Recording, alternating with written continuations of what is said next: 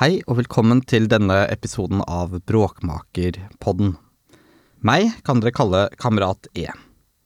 I dag så har vi ikke ett bestemt tema. Vi kan si at temaet er litt alt og ingenting.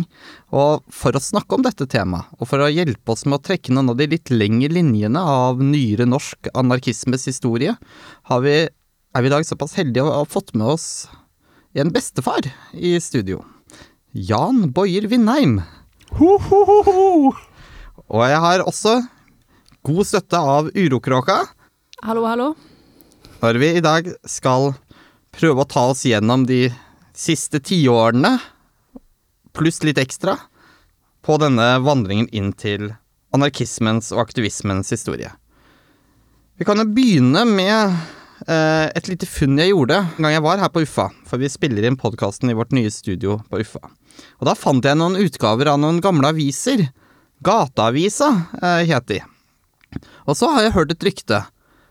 Jan, du var med å starte den avisa? Absolutt. Det var Vi hadde jo starta et kollektiv i Hjelmsgate 3 i Oslo. Arbeidskollektivet. Der skulle, vi var en Ja, hvor mange var vi? Det varierte litt hvor mange vi var. Det var litt uklart hvem som var medlem og hvem som ikke var medlem. Men vi skulle iallfall ha felles økonomi, og vi slo sammen en del um, virksomheter. Uh, vi hadde et uh, spisested som serverte makrobiotisk mat. altså Det er en spesiell sånn semivegetarisk uh, kostholdsfilosofi. Og eh, blant de virksomhetene som kom flyttende, så var Futurum forlag, som hadde starta på forsøksgymnaset, å gi ut det de kalte for undergrunnsavisa PH.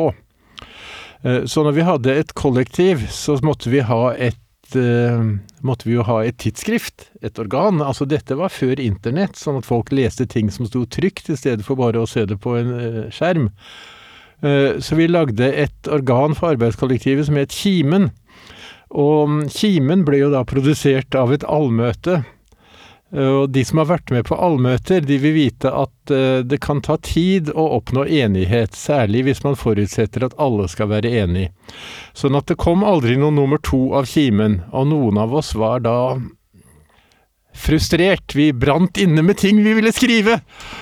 Og Iben Hjort, som var medlem av arbeidskollektivet, han gikk opp på loftet, fant en stensilmaskin og skrev ei liste over, mulig, over, tomme hus som det var mulig å okkupere.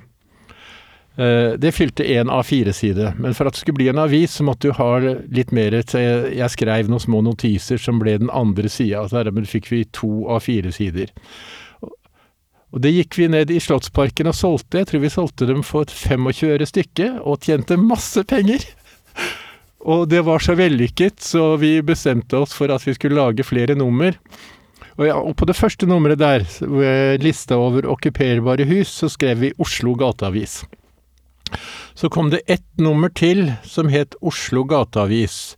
Og da hadde i grunnen arbeidskollektivet bestemt seg for at uh, de som ville skrive, kunne skrive, og de som ikke var interessert i å skrive, de trengte, legge, trengte ikke legge seg opp i det. Sånn at det var de som var interessert i å jobbe med gateavisa, som jobba med gateavisa. Så på et eller annet tidspunkt så ble, også, ble gateavisa også organ for Føderasjonen av anarkister og frihetlige sosialister, også kalt FAFS. Skjønte jeg kan ikke huske at noen kalte det for FAFS, men det var fint å skrive. Ehm, men det varte ikke så lenge. Men da fikk vi også nasjonal distribusjon. Så da kunne det ikke hete Oslo Gateavis lenger, da måtte hete Gateavis A. Så da ble det liksom spredd av anarkistgrupper og frikere over, over, hele landet. Og før du visste ordet av det, så hvert veikryss i Norge så lagde de sin egen lokale gateavis eh, etter mønsteret av, av blekka våre. Det er jo en veldig Høres ut som en veldig spennende tid. Eh, du nevnte jo denne føderasjonen av, av anarkister. Hvor, eh, hva var det? Altså, i min uh, Hvis dere tillater, så skal jeg si litt om, uh, om bakgrunnen min. Uh, jeg, det som var den viktige Det var to saker som venstresida To saker som venstresida var opptatt av da jeg ble bevisst menneske. Det ene var boikott av Sør-Afrika, og det andre var um, kampanjen mot atomvåpen. Hvert år så hadde, var det store sånn påskemarsjer over hele Europa, hvor man marsjerte for å få stanset atomvåpenspredningen. Så gjennom, arbeid, med, gjennom aksjonen mot atomvåpen så kom jeg også i kontakt med Folkereisning mot krig altså en pasifistorganisasjon, og ble aktiv der. Og oppå kontoret til Folkereisning mot krig så fant jeg en brosjyre av en som het Nicholas Walter, som het Nonviolent Resistance, som var et kampskrift for anarkisme. For det var sånn at um, altså før annen verdenskrig, altså helt fram til uh, spanske borgerkrigen, så var jo anarkisme en um, ofte voldelig, men også av og til ikke-voldelig bevegelse, eh, en sosialistisk bevegelse med utgangspunkt i arbeiderklassen, i, spesielt i Sør-Europa, men også i Latin-Amerika. Men eh, den generasjonen som jeg tilhører, som vokste opp på 60- og 70-tallet, vi fikk en annen tilnærming til anarkismen. Altså den anarkismen som vi jobba med, ble en del av um, ungdomsopprøret, alternativkulturen. Uh, det var mye studenter og kunstnere osv. Det har alltid vært mange kunstnere som har vært anarkister, altså. Det, det var ikke noe nytt. Men um, i stedet for at det ble en, um, en arbeiderklassebevegelse, så ble det en middelklassebevegelse med utgangspunkt i universiteter og kunstnere og Uh, flytende, løse, løse, eksistenser. Sånn at uh, den anarkismen som eh, mange litt eldre anarkister var jo sure. Altså de mente at den her motkulturanarkismen på, på, som vi hadde i 60- og 70-tallet. Den hadde ikke noe med ordentlig anarkisme å gjøre! Dette var bare noen ungdommer som ikke ante hva de drev med, osv. Dere har sikkert hørt det før. Så, så sånn var nå det. Men øh, så ble, ble, det da danna øh, en, en, organisasjon, Føderasjonen av anarkister og frihetlige sosialister, tror jeg det var, som da en stund Som hadde utgangspunkt på Blindern blant øh, studentene der. Uh, Mats Strand og Hans Petter Aastorp ga ut anarkistisk lesebok på Pax, og så kom øh, George Orwells hyllest til Catalonia, som handla mye om uh, motsetningene mellom stalinister og anarkister under borgerkrigen i Spania. Og dette var jo ei tid hvor stalinistene i Norge uh, dominerte uh, det radikale ordskiftet, altså dette var ML-ernes glansperiode. Så vi, vi fikk en del kommentarer fra ML-hold, vi ble jo beskyldt for å være fascister, blant annet. Det er jo et sånn standard slagord. Uh, men iallfall, Føderasjonen av anarkister og frihetlige sosialister fikk vel en åtte-ti lokallag, stort sett på universitet, eller byer hvor det var universiteter og høyere læresteder og sånn. Det var det var liksom ikke Kverner og Akers Mek som man rekrutterte på. Uh, men eh, jo, altså Det ble jo en Vi fikk en del hundre medlemmer. Vi prøvde å starte studiesirkler og ga ut sånn eh, politiske dokumenter.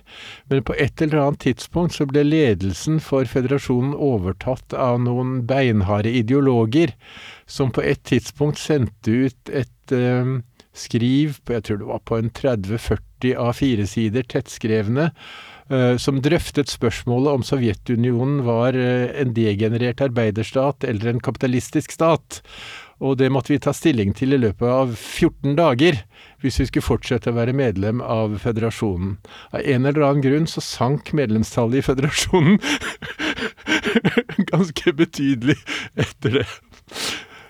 Nei da, men altså det har jo vært mange forsøk på å starte eh, anarkistiske organisasjoner.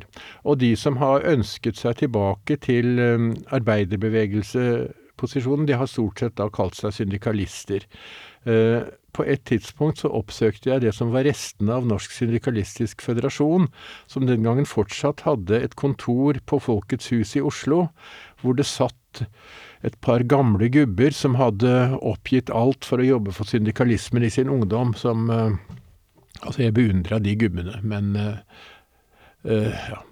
Men uh, det var liksom siste slutt. Altså, det Norsk Syndikalistisk Føderasjon døde ut. Så seinere så ble det gjenoppliva en organisasjon med samme navn, med yngre mennesker. Men liksom den, de som hadde tråden tilbake til anarkistiske og syndikalistiske bevegelsen på 20- og 30-tallet, de var liksom De satt på slutten av sitt liv da jeg, da jeg traff dem, og så ble de borte. Når jeg leser liksom uh, litt tilbake til gateavisa, for når jeg leser der, så ser jeg at det er jo egentlig veldig mange av de samme sakene og spørsmålene som virker aktuelle der. Det, og blant annet leste jeg gjennom noen uh, faksimiler av gamle utgaver, og hvor det jo sto om kampen mot bilismen i Trondheim, f.eks., uh, og Oslo. Uh, og på mange måter så føler jeg jo at det er mange ekkoer fra uh, den tida som har dukket opp igjen nå, da. Og et av de viktige der er vel kanskje dette med miljøengasjementet og det. Hvordan var det å, å, å skulle snakke liksom imot bilismen, imot liksom uh, det forbruksdrevne samfunnet på 70- og 80-tallet? Ja, det var jo veldig vanskelig. Og altså, vi syntes jo at det var altfor mye biler i Oslo uh, for 50 år siden. Men nå er det jo fire ganger så mange. Og altså, et av de første numrene av Gateavisa så hadde vi jo en større artikkel om denne planene om uh, en firefelts motorvei midt gjennom uh, Oslo sentrum. Men det ble jo gitt ut lokale varianter. du hadde jo Byavisa her i Trondheim blant annet, som tok opp tilsvarende ting. Men jeg må jo få lov å si at uh, jeg tilhører hippiebevegelsen, eller iallfall tilhørte den den gangen, som da er en utskjelt bevegelse som likevel la grunnen for mye av det som er radikal politikk i dag.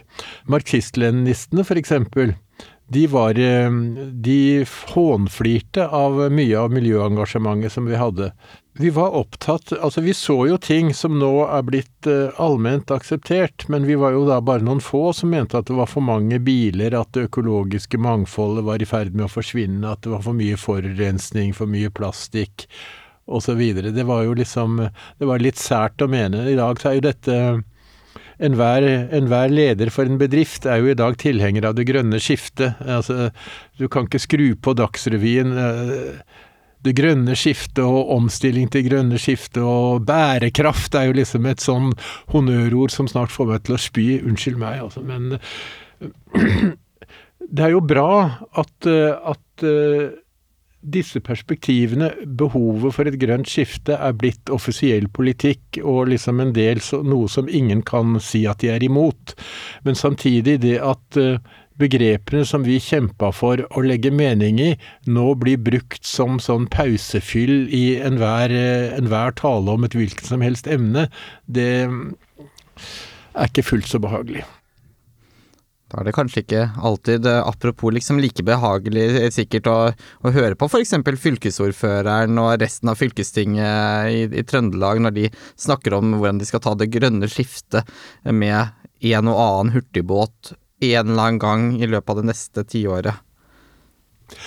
Ja, altså eh, som praktisk politiker eh, Nå ville jeg jo aldri på, i 1970 ha trodd at jeg noen gang skulle bli politiker for et politisk parti, men det er jeg nå altså blitt. Jeg har jo vært eh, satt jo i nesten 30 år i bystyret og sitter nå i fylkestinget. Men som politiker så kan du ikke kan du ikke legge absolutte krav til grunn. Altså du må se på hva det er mulig å få til, hva det er realistisk å få et flertall for. Og veldig ofte så er det mye mindre enn det du egentlig ønsker. Men eh, altså, skal du få til et flertall i fylkestinget, så må du formulere deg sånn at uh, Arbeiderpartiet, og helst også Senterpartiet og Høyre, kan synes at uh, ikke føler seg altfor uh, provosert av det. Så kan du selvfølgelig si at uh, det som skjer i denne typen politiske organer, går altfor sakte. Jeg er ikke uenig i det. og da er det veldig viktig at du har sånne organisasjoner som Extinction Rebellion og Greenpeace og uh, Natur og Ungdom og sånn, som legger på et press utenfra. Altså det ble sagt mye spydig om Greta Thunberg. Jeg har jo stor respekt for henne, selv om jeg syns hun sier mye tull også. Men det engasjementet som hun viser, det har jo vist seg at det har vært i stand til å vekke veldig mange, og blitt veldig vanskelig for, eh, for internasjonale politikere å ta avstand fra. Ja, nå er det jo innimellom litt sånn at man I hvert fall sitter jeg med den følelsen. Eh, at klima- og miljøengasjementet på mange måter kanskje fyller deler av det rommet som eh, motstanden mot Vietnamkrigen kanskje fulgt, uh, var for, eh, og med fredsbevegelsen, var på 70-tallet. og det er i hvert fall litt noe av den følelsen jeg sitter med når jeg observerer liksom hvordan klimaengasjement og ikke minst da den mer direkteaksjonsbaserte som man finner da i Greenpeace, eller enda mer nå med Extinction Rebellion. Det er et spørsmål jeg satt og tenkte på her, og det er om det er noe av praksisen fra 70-tallet som du tenker det hadde vært betimelig å løfte opp igjen? Så det, det, det, jeg husker med størst glede, det er jo når vi var mange folk som jobba for et felles formål sammen. Eh, altså, en, ting er jo eh, Vi hadde Gateavisa. Da satt vi jo en gjeng og Altså den tingen I dag så foregår jo layout på en skjerm. Den gangen så måtte vi massakrere andre aviser og tidsskrifter, klippe ut bilder og lime dem på med RX-lim. Og hvis vi fant ut at vi skulle flytte dem etterpå, så måtte vi klippe dem løs igjen. For etterpå så hadde vi sånn lettrasett-bokstaver. Det er noen av dere som veit om det? Var sånn eh, ja. Nei da, men det å kunne arbeide med ting sammen, eh, det er, eh, det er, på en måte utgangspunktet for å få til noe. Det at vi gjorde forsøk på å redusere forbruket, altså forbruksnivået i Norge for 50 år siden var jo eh, sånn at folk ville hylt i dag hvis de ble nødt til å leve på det, men eh, vi visste jo ikke bedre, vi trodde vi hadde gått, vi. sånn var nå det, men eh, Samtidig så så vi jo at eh, hvis alle, hele klodens befolkning skulle ha like stort materielt forbruk som det vi anså som normalt i Norge i 1970, så ville vi trenge flere jordkloder. Det visste vi allerede den gangen. Det er jo blitt eh, eh, folkelære nå, men eh, vi har jo nå vedtatt Vi har nå fått gjennom noe statsbudsjett, og det virker som den grunnleggende forutsetningen hele tida er at enhver borger i Norge skal ha økt disponibel realinntekt i det kommende året. Altså forbruksnivået skal fortsette å øke. Og samtidig så skal vi jobbe for at folk i India og Kina og Nigeria skal ha like høyt forbruksnivå som vi har. Og altså, demokrati er jo en fin ting, at alle folk skal være med på å bestemme. Samtidig så er vi mennesker noen jævla egoister, og ingen av oss har lyst til å gi fra oss de privilegiene vi har oppnådd. Sånn at å gå til valg på at kjøpekraften i Norge skal reduseres, jeg er ikke sikker på at det ville føre til noe braksuksess. Eller for så vidt et hvilket som helst annet land. Altså nå er jo strømprisen gått opp. Øh, det kan jo være problematisk for mange. Men folk forlanger at eh, ting skal bli billigere, og nå må staten komme og betale strømregninga for oss. Det har jo nå eh, de senere årene vært en, hva skal vi si da, en alt ettersom perspektivet, da, eventyrlig eller marerittaktig utvikling når det kommer til privatkonsumet. Eh, bare i min levetid, som er fra slutten av 80-tallet til nå, da, har det jo skjedd en ekstrem forvandling av samfunnet. Det som var liksom helt greit på 90-tallet, det som var luksus på 90-tallet, eh, er det ingen som blunker over i dag. Og det er, det er en sånn ting jeg har lagt merke til at bare i løpet av det, liksom, de siste tiåret, liksom, da, så har det skjedd en stor utvikling, men den har etter min mening gått uh, mye i feil retning. Uh, og en mye mer materialistisk samfunn i dag enn vi, uh, I hvert fall føler jeg det, enn vi var f.eks. på 90-tallet, når, når, jeg husker tilbake til Det skal alltid være alltid farlig å glorifisere sin egen barndom, men hva er denne driven, tror du, bort fra, liksom eh, Eller motstandene, det materielle? Hva er det som driver denne utviklingen? Ja, altså, vi har jo et begrep som heter økonomisk vekst, og alle disse her som vi har snakka om, som uh, roper om bærekraft og det grønne skiftet, de sier, de sier, jo nå at økonomisk vekst er nødvendig for at vi skal klare å gjennomføre det grønne skiftet. Så at uh, Men så kan man jo si at i tradisjonell sosialistisk ideologi så er det da kapitalismen, privatkapitalismen, som driver det grønne skiftet. Eller nei. som driver den økonomiske veksten. Unnskyld. Um, ja ja, det var kanskje ikke så dumt likevel.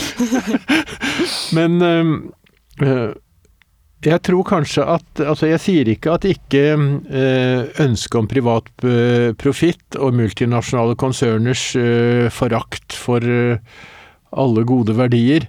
Jeg sier ikke at ikke det er viktige drivkrefter i, i ødeleggelsen av planeten, men jeg tror kanskje at det sitter enda dypere i, i mennesket. Altså en, en, et ønske om alltid Litt reinere i hulen og eh, litt bedre steiner rundt ildstedet, og så et forheng sånn at ikke snøen bråser inn i hulen. Altså du skal alltid ha litt bedre.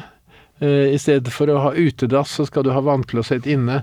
Altså det er eh, ting som man anser som en selvfølge, eh, som det er vanskelig å komme bort fra, og at vi alltid ønsker å fikse det litt bedre. Gjøre det litt bedre rundt oss. Det er naturlig.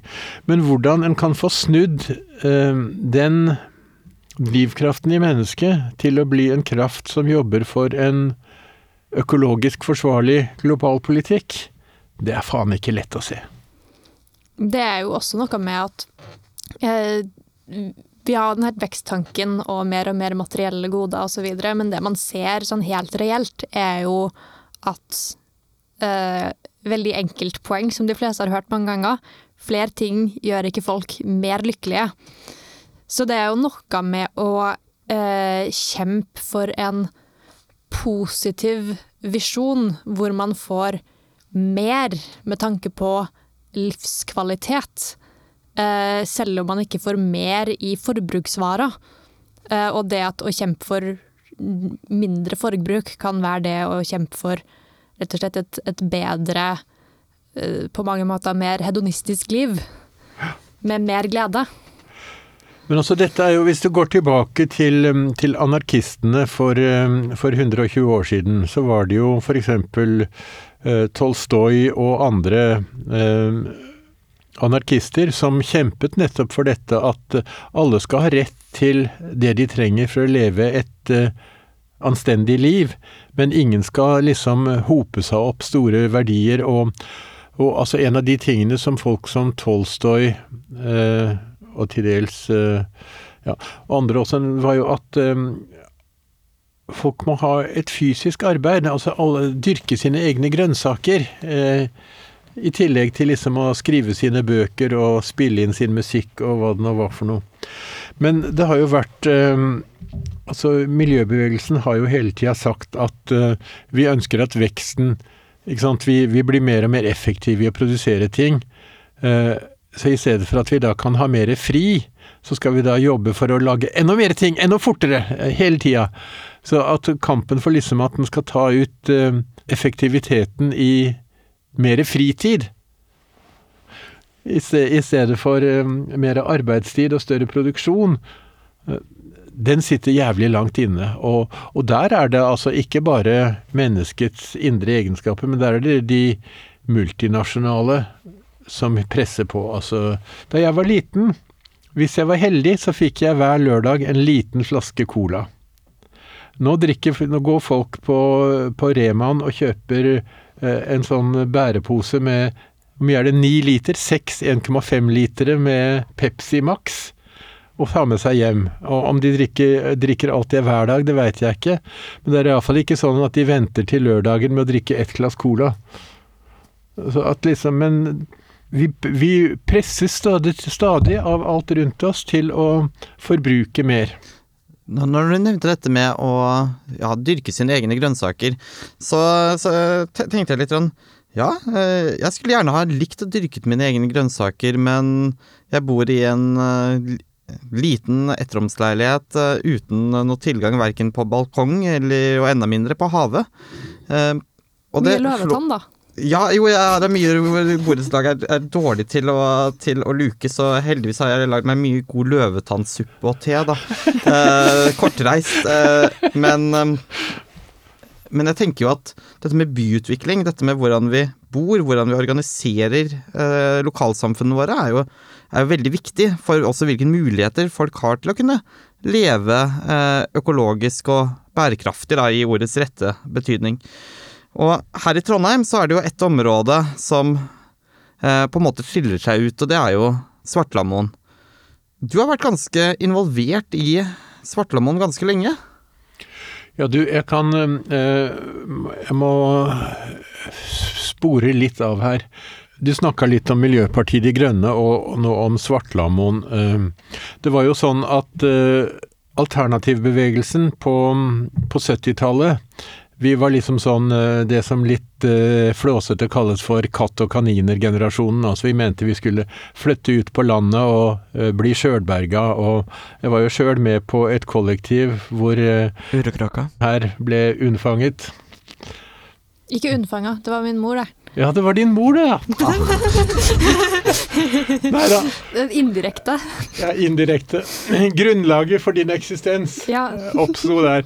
Men eh, så oppdaga vi, når vi levde eh, sjølberga, mer eller mindre sjølberga, og sto opp om natta for å melke kyr og, og måke ut bæsj fra dyra osv., at eh, samme hvor mange biodynamiske, makrobiotiske, økologiske jordbruk det blir i Norge eller andre steder, så bor mesteparten av verdens befolkning i byer. Og hvis ikke byene eh, blir utvikla i økologisk forsvarlig retning, så kommer vi ingen vei. Ingen vei. Dermed så blir det spørsmål om bioøkologi. Og Svartlamoen ble jo på et tidspunkt vedtatt av Trondheim bystyre å bli et byøkologisk forsøksområde. Jeg tror det var det første i Norge. Eh, men eh, det tok tid å få gjennomslag for det at eh, Å økologisere bylivet. Og altså, verandakasser Drikk nå din løvetann-te med god samvittighet. Ikke noe Men da er det viktig at du har f.eks. frigrøntområder. Altså at Så Svartlamoen er jo da på en måte et, et sted der folk står litt friere til å eksperimentere på ulike måter. Og da vi hadde de her store diskusjonene om Svartlamoen, så var jo Arbeiderpartiet blant de som var aller, aller sintest. Og noe av grunnen til det var jo at for Arbeiderpartiet, for sosialdemokratiet, så var det en stor seier at du fikk bygd blokker der folk hadde innlagt vann og vannklosett, og kunne flytte fra de trange gråbeingårdene og, og, og, og, få moderne fasiliteter. Så at ungdommen da ønsket å gi avkall på noe av dette, altså si at vi klarer oss faktisk uten dusj i hver eneste leilighet, vi klarer oss med do på gangen, etter at Arbeiderpartiet i 50 år hadde slått at det skulle være vannklosett i hver leilighet! Det, det, satt jævlig langt inne for Arbeiderpartiet. Og, altså en le, Arbeiderpartiets leder for byutviklingskomiteen kom jo ned på Svartlamoen og ble intervjua av Adressa og så veldig bekymra ut at her kan ikke barn vokse opp! Altså, når jeg vokste opp på Svartlamoen, så var det jo faktisk ulovlig å vokse opp der. Så det er en annen person jeg vet av som også er født i 96, da, på Svartlamoen Eh, men eh, hennes eh, mor ble tvunget til å flytte. Men det var ikke alle som tok de truslene så alvorlig, da. Så vi ble nå boende, vi, da. Men det var ikke så veldig mange barn der. Men det har jo vist seg å være et sånn barneparadis. Det er jo nesten sånn jeg vil beskrive det nå. Det er jo en utrolig fin plass å, å vokse opp. Men jeg vil jo si at jeg ser egentlig litt av de samme linjene også i boligpolitikken i dag. At en del fra liksom den rødere venstresida eh, kan være litt skeptisk til det her med, og med god grunn i mange tilfeller, med å gi opp på, stand, på krav på standarder og sånt. Ja. Eh, fordi spesielt at man er redd for at uh, bolighaier og høyresida skal utnytte seg da, av det her til å ja, utnytte for folk i større grad. Da. Og man vil ikke ha forverra standarder, og så mister man litt det her ja, friheten til å leve annerledes om man skulle ønske det sjøl. Og det tror jeg også er viktig, da, at man klarer å, klarer å få til begge to, to da, på sett og vis. Det er jo noen sånne normer i dag, da, tror jeg, da, som ligger veldig, veldig sånn eh, innbakt i samfunnsstrukturen vår, da. Og ikke minst eh, både venstre- og høyresida her er, eh, er, like mye skyldige i å opprettholde dem. Det er jo normene om, eh, om eh, fulltidsarbeid mot lønn. Det er normen om konsum. Det er normen om å ha en ferie som er konsumdrevet. Det er normen om å ha en viss standard på bolig. Og hvis man velger bort dette, så blir man enten en frik, eller så blir man en som blir sett litt sånn derre uansett rart på, eller er en som samfunnet føler et instinktivt behov for at denne personen trenger hjelp. Eh, uavhengig av om vedkommende selv søker hjelp eller ikke. På et eller annet vis opplever jeg, da, at det er en, eh, også blant på en måte eh, unge folk i dag, da, er en veldig sånn de tar det som en absolutt selvfølgelighet, at slik må det være, slik har det alltid vært.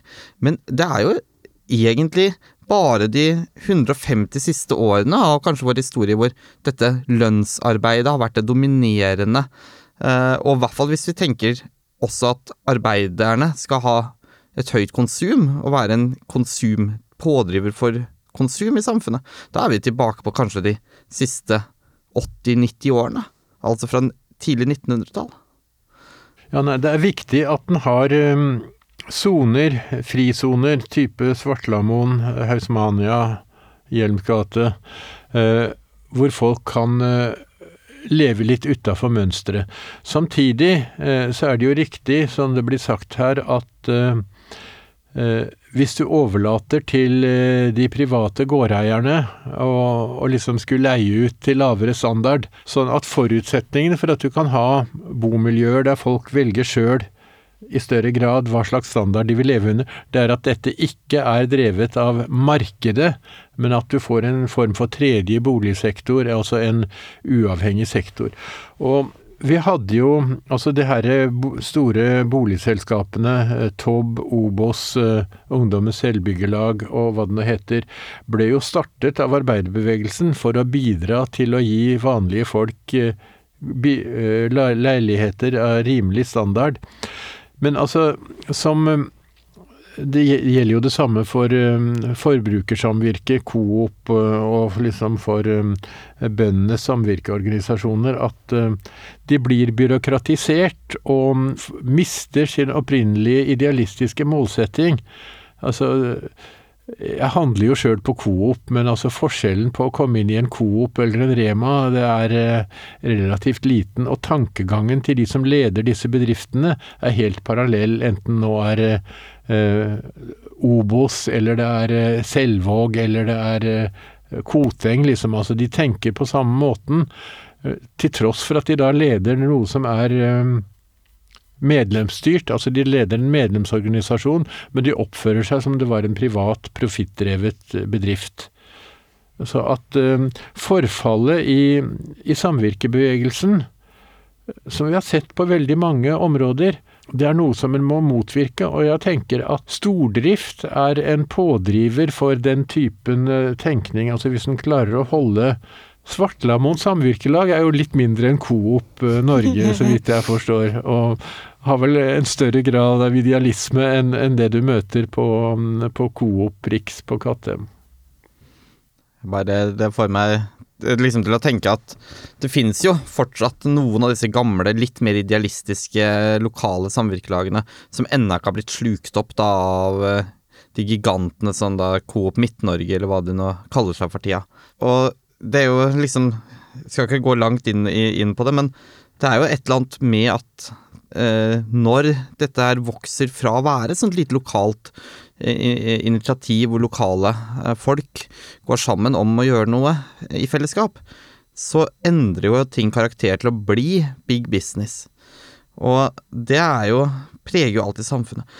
En annen ting som på en måte slår meg, og det er jo Det har vært mange historier om både med og uten husokkupasjon, men eh, på alternative prosjekter når det kommer innenfor bolig eh, og samfunnsutvikling, også i byene i Norge. Både i Oslo og Trondheim har det jo vært eh, eh, tiltak med mer eller mindre, i hvert fall i perioder, god suksess. Da, eh, men det som jeg har reflektert litt over, er er dette noe som fortsatt er mulig? For i dag så Ja, det står tomme bygårder rundt omkring. Men spørsmålet er er det noen til å okkupere dem, eller er det bare en sånn passiv aksept for at disse byggene bare skal forvitre og sakte, men sikkert gå tilbake til støv og grus igjen? Det vil jo variere med, med stemningene i, i, ulike generasjoner. Om det er mange eller få i en generasjon som, som vil jobbe for alternativer. Det er jo mange nå som sier at de er opptatt av natur og miljø.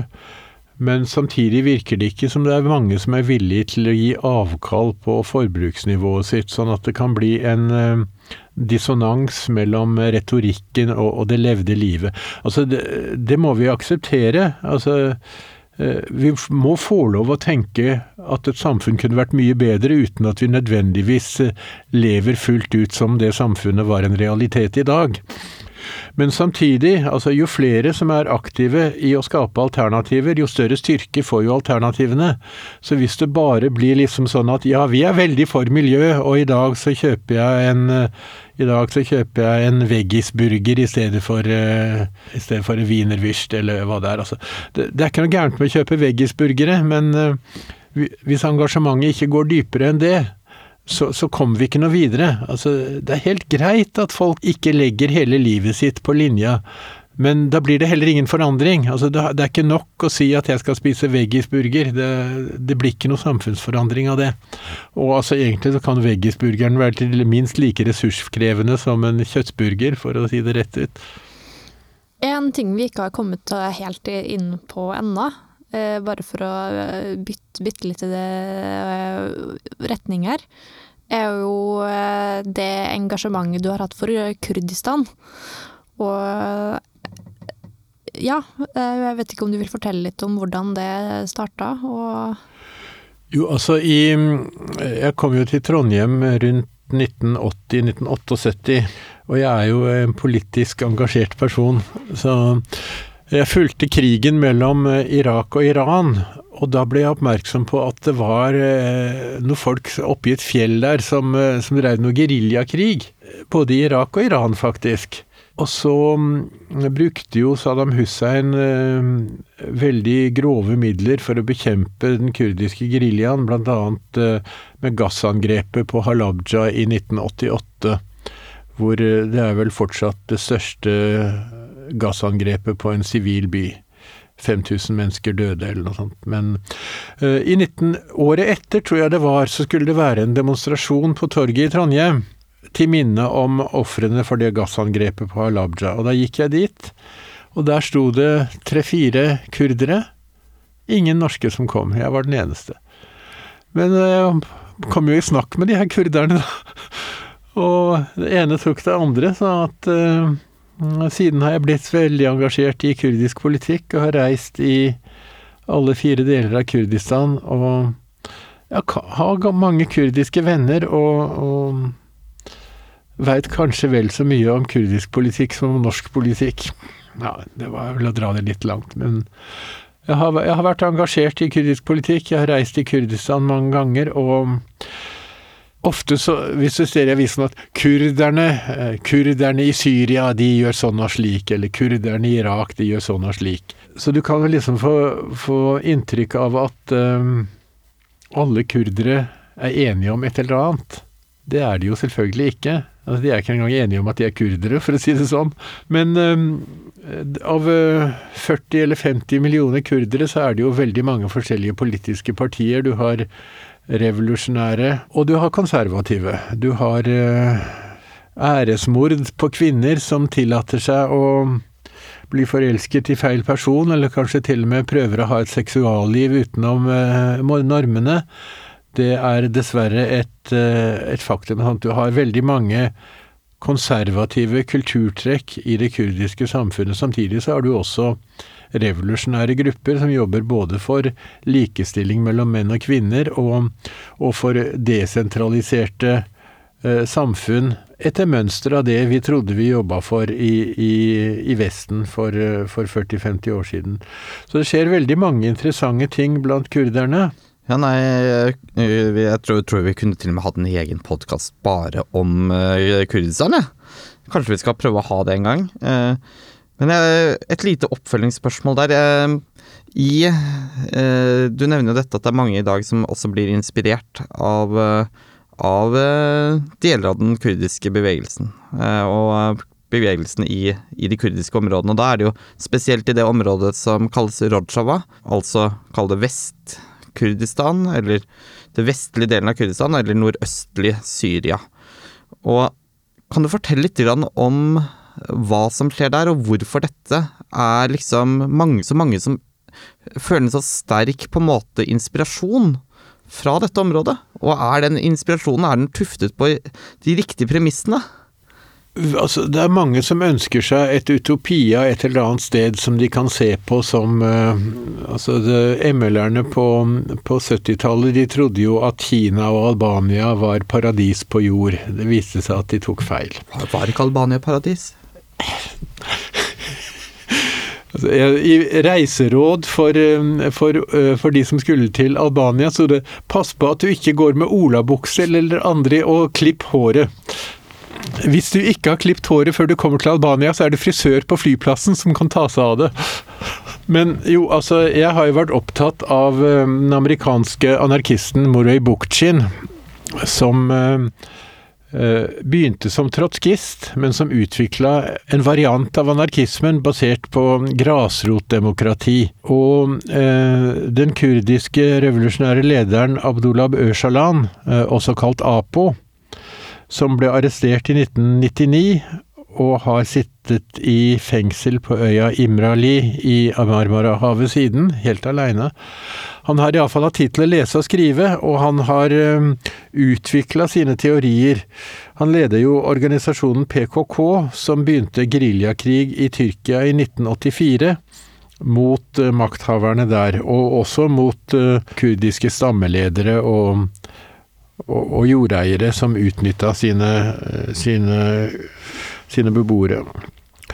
Eh, så Ørshalan har eh, lest Bukhtins skrifter og har eh, fra å være et, en nokså normal marxist-leninistisk organisasjon, så har PKK utvikla en ideologi som går på desentralisering, på likestilling mellom menn og kvinner, og spesifikt tar avstand fra, fra statsmakt.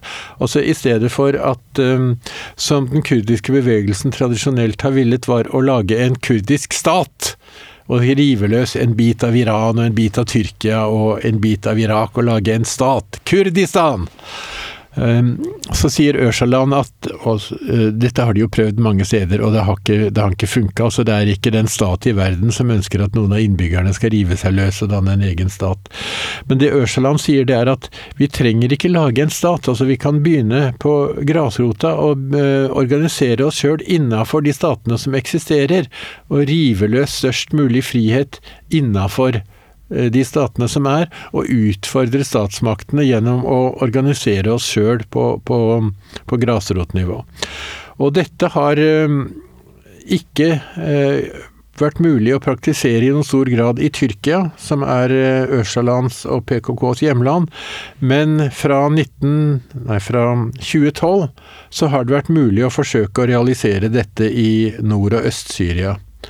Så kan man selvfølgelig diskutere i hvor stor grad dette har vært mulig, og det ligger selvfølgelig en, eh, en innebygd eh, dissonans i det at eh, ovenfra så kommer det beskjed om at nå skal dere organisere dere nedenfra. Men det betyr ikke at det ikke er mange vellykka eksempler på mm, grasrotorganisering i Nord- og Øst-Syria. Men det som eh, tiltrekker folk fra hele verden, det er jo den overordna visjonen om at her går det an å skape et nytt samfunn nedenfra. Altså egentlig hvor stor grad det har vært vellykket i Syria, det er mindre interessant enn det at her er det heist opp en visjon som folk kan orientere seg etter uh, ulike steder i, i, i verden. Og, og, sånn sett, altså at uh, Nord- og Øst-Syria er det stedet hvor, og til dels Sinjar også i Irak, hvor, hvor PKK eller tilhengerne av Abdullah Øcalan har kunnet forsøke å realisere sine visjoner. Og av og til så har de snubla, av og til så har de tråkka feil, men de har hatt en målsetting som er verdt å følge opp, og som, som burde kunne inspirere oss andre steder også. Det har vært utrolig spennende og artig å høre på deg så mange tråder og, som vi kunne ha fulgt opp, og jeg tror vi kunne ha snakket her i flere timer. Men det er på tide å avrunde, eh, og da tenker jeg bare å stille et sånt siste spørsmål, da. Eh, eh, til litt, litt til hver av dere. Og det er Hvor går anarkismens vei videre? Anarkisme er jo flere ting. Én ting er at du har anarkistiske organisasjoner og bevegelser. Men øh, jeg syns det er interessant å se på anarkismen som en historisk tendens. Altså at uansett hvor, hvor, vellykket statssystem og hvor snille herskere du har, så vil det alltid være behov for noen som sparker makthaverne i ræva, for å si det rett ut. Altså noen som står for en prinsipiell opposisjon. Det er ingen, ingen, stat som er så perfekt at det ikke er bruk for en opposisjon. Og det, der er anarkismen. Altså Anarkisten er han som sier at 'jeg er kritisk til makta'. Altså alltid makta. Enten nå er uh, Mao eller uh, Hitler eller uh, Biden eller, eller hvem det nå er. Altså det er alltid behov for at noen skal være kritiske og, og nekte å følge ordre. Så det grunnleggende i anarkismen det er å si jeg følger ikke ordre, jeg bestemmer sjøl hva jeg vil gjøre. Det er det alltid bruk for. Alltid!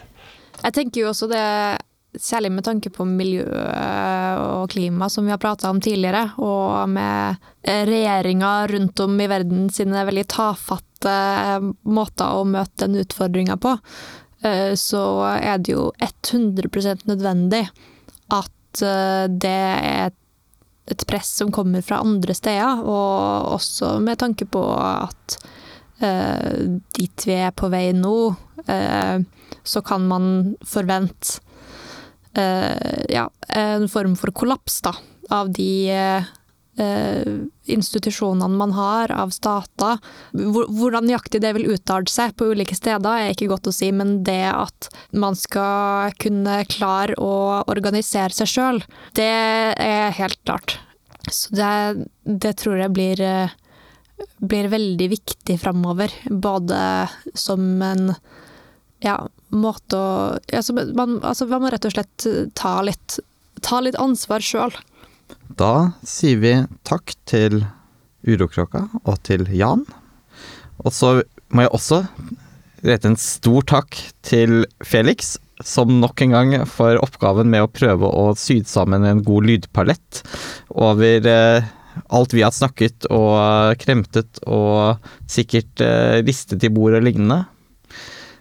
Og så må jeg bare helt avslutningsvis si at hvor anarkismens vei går videre, det tror det er ingen som vet, men forhåpentligvis så vil den alltid være der. Samfunnet trenger dissidenter, de trenger anarkister, de trenger fritenkere. Nå som alltid og i all evighet.